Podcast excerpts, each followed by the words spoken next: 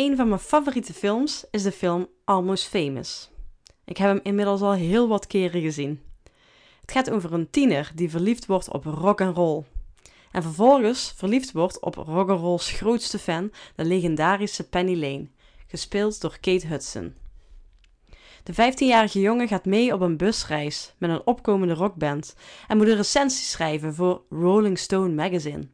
De bandleden beloven hem steeds een interview, maar het lukt maar niet, op diverse redenen. Ondertussen maakt hij het rock'n'roll leven mee en worden ze bevriend.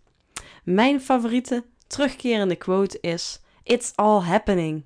Penny Lane springt hem regelmatig op spirituele manier uit met een veelzeggende blik vol charisma.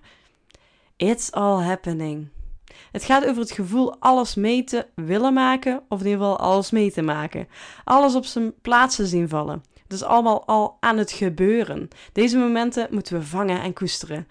Maar ja, hoe vaak zien we het eigenlijk? Dat het aan het gebeuren is. We zijn druk bezig met verder komen. Geen tijd om even bij stil te staan wat je al hebt bereikt. Of precies op dit moment aan het bereiken bent. Kijk eens om je heen en ben dankbaar voor alles wat er al is. Met social media is het wel lastig hoor om niet jaloers te worden op anderen. Muzikanten met meer optredens en of shows op betere speelplekken bijvoorbeeld. Het voelt alsof het ze allemaal komt aanwaaien en dat kan frustreren.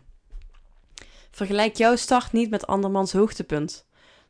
Dat verlies je altijd en blijf je altijd ontevreden. Vergelijk jouw situatie eh, liever met de situatie van een moment in het verleden. Drie maanden geleden, één jaar, vijf jaar, twintig jaar. Wat heb jij nu beter voor elkaar dan toen?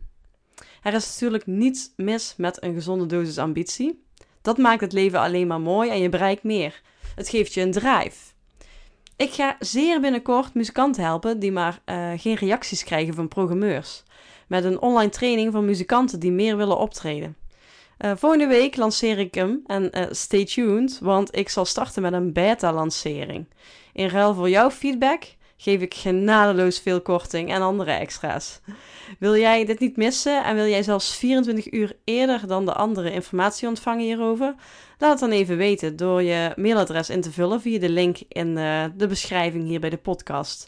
Uh, dat dus, dan schrijf je je in voor de Mirjams Muziek Marketing Mails en dan ontvang jij veel eerder informatie. Ik zet jou dan op die speciale lijst. Oké, dankjewel hè. Doei doei.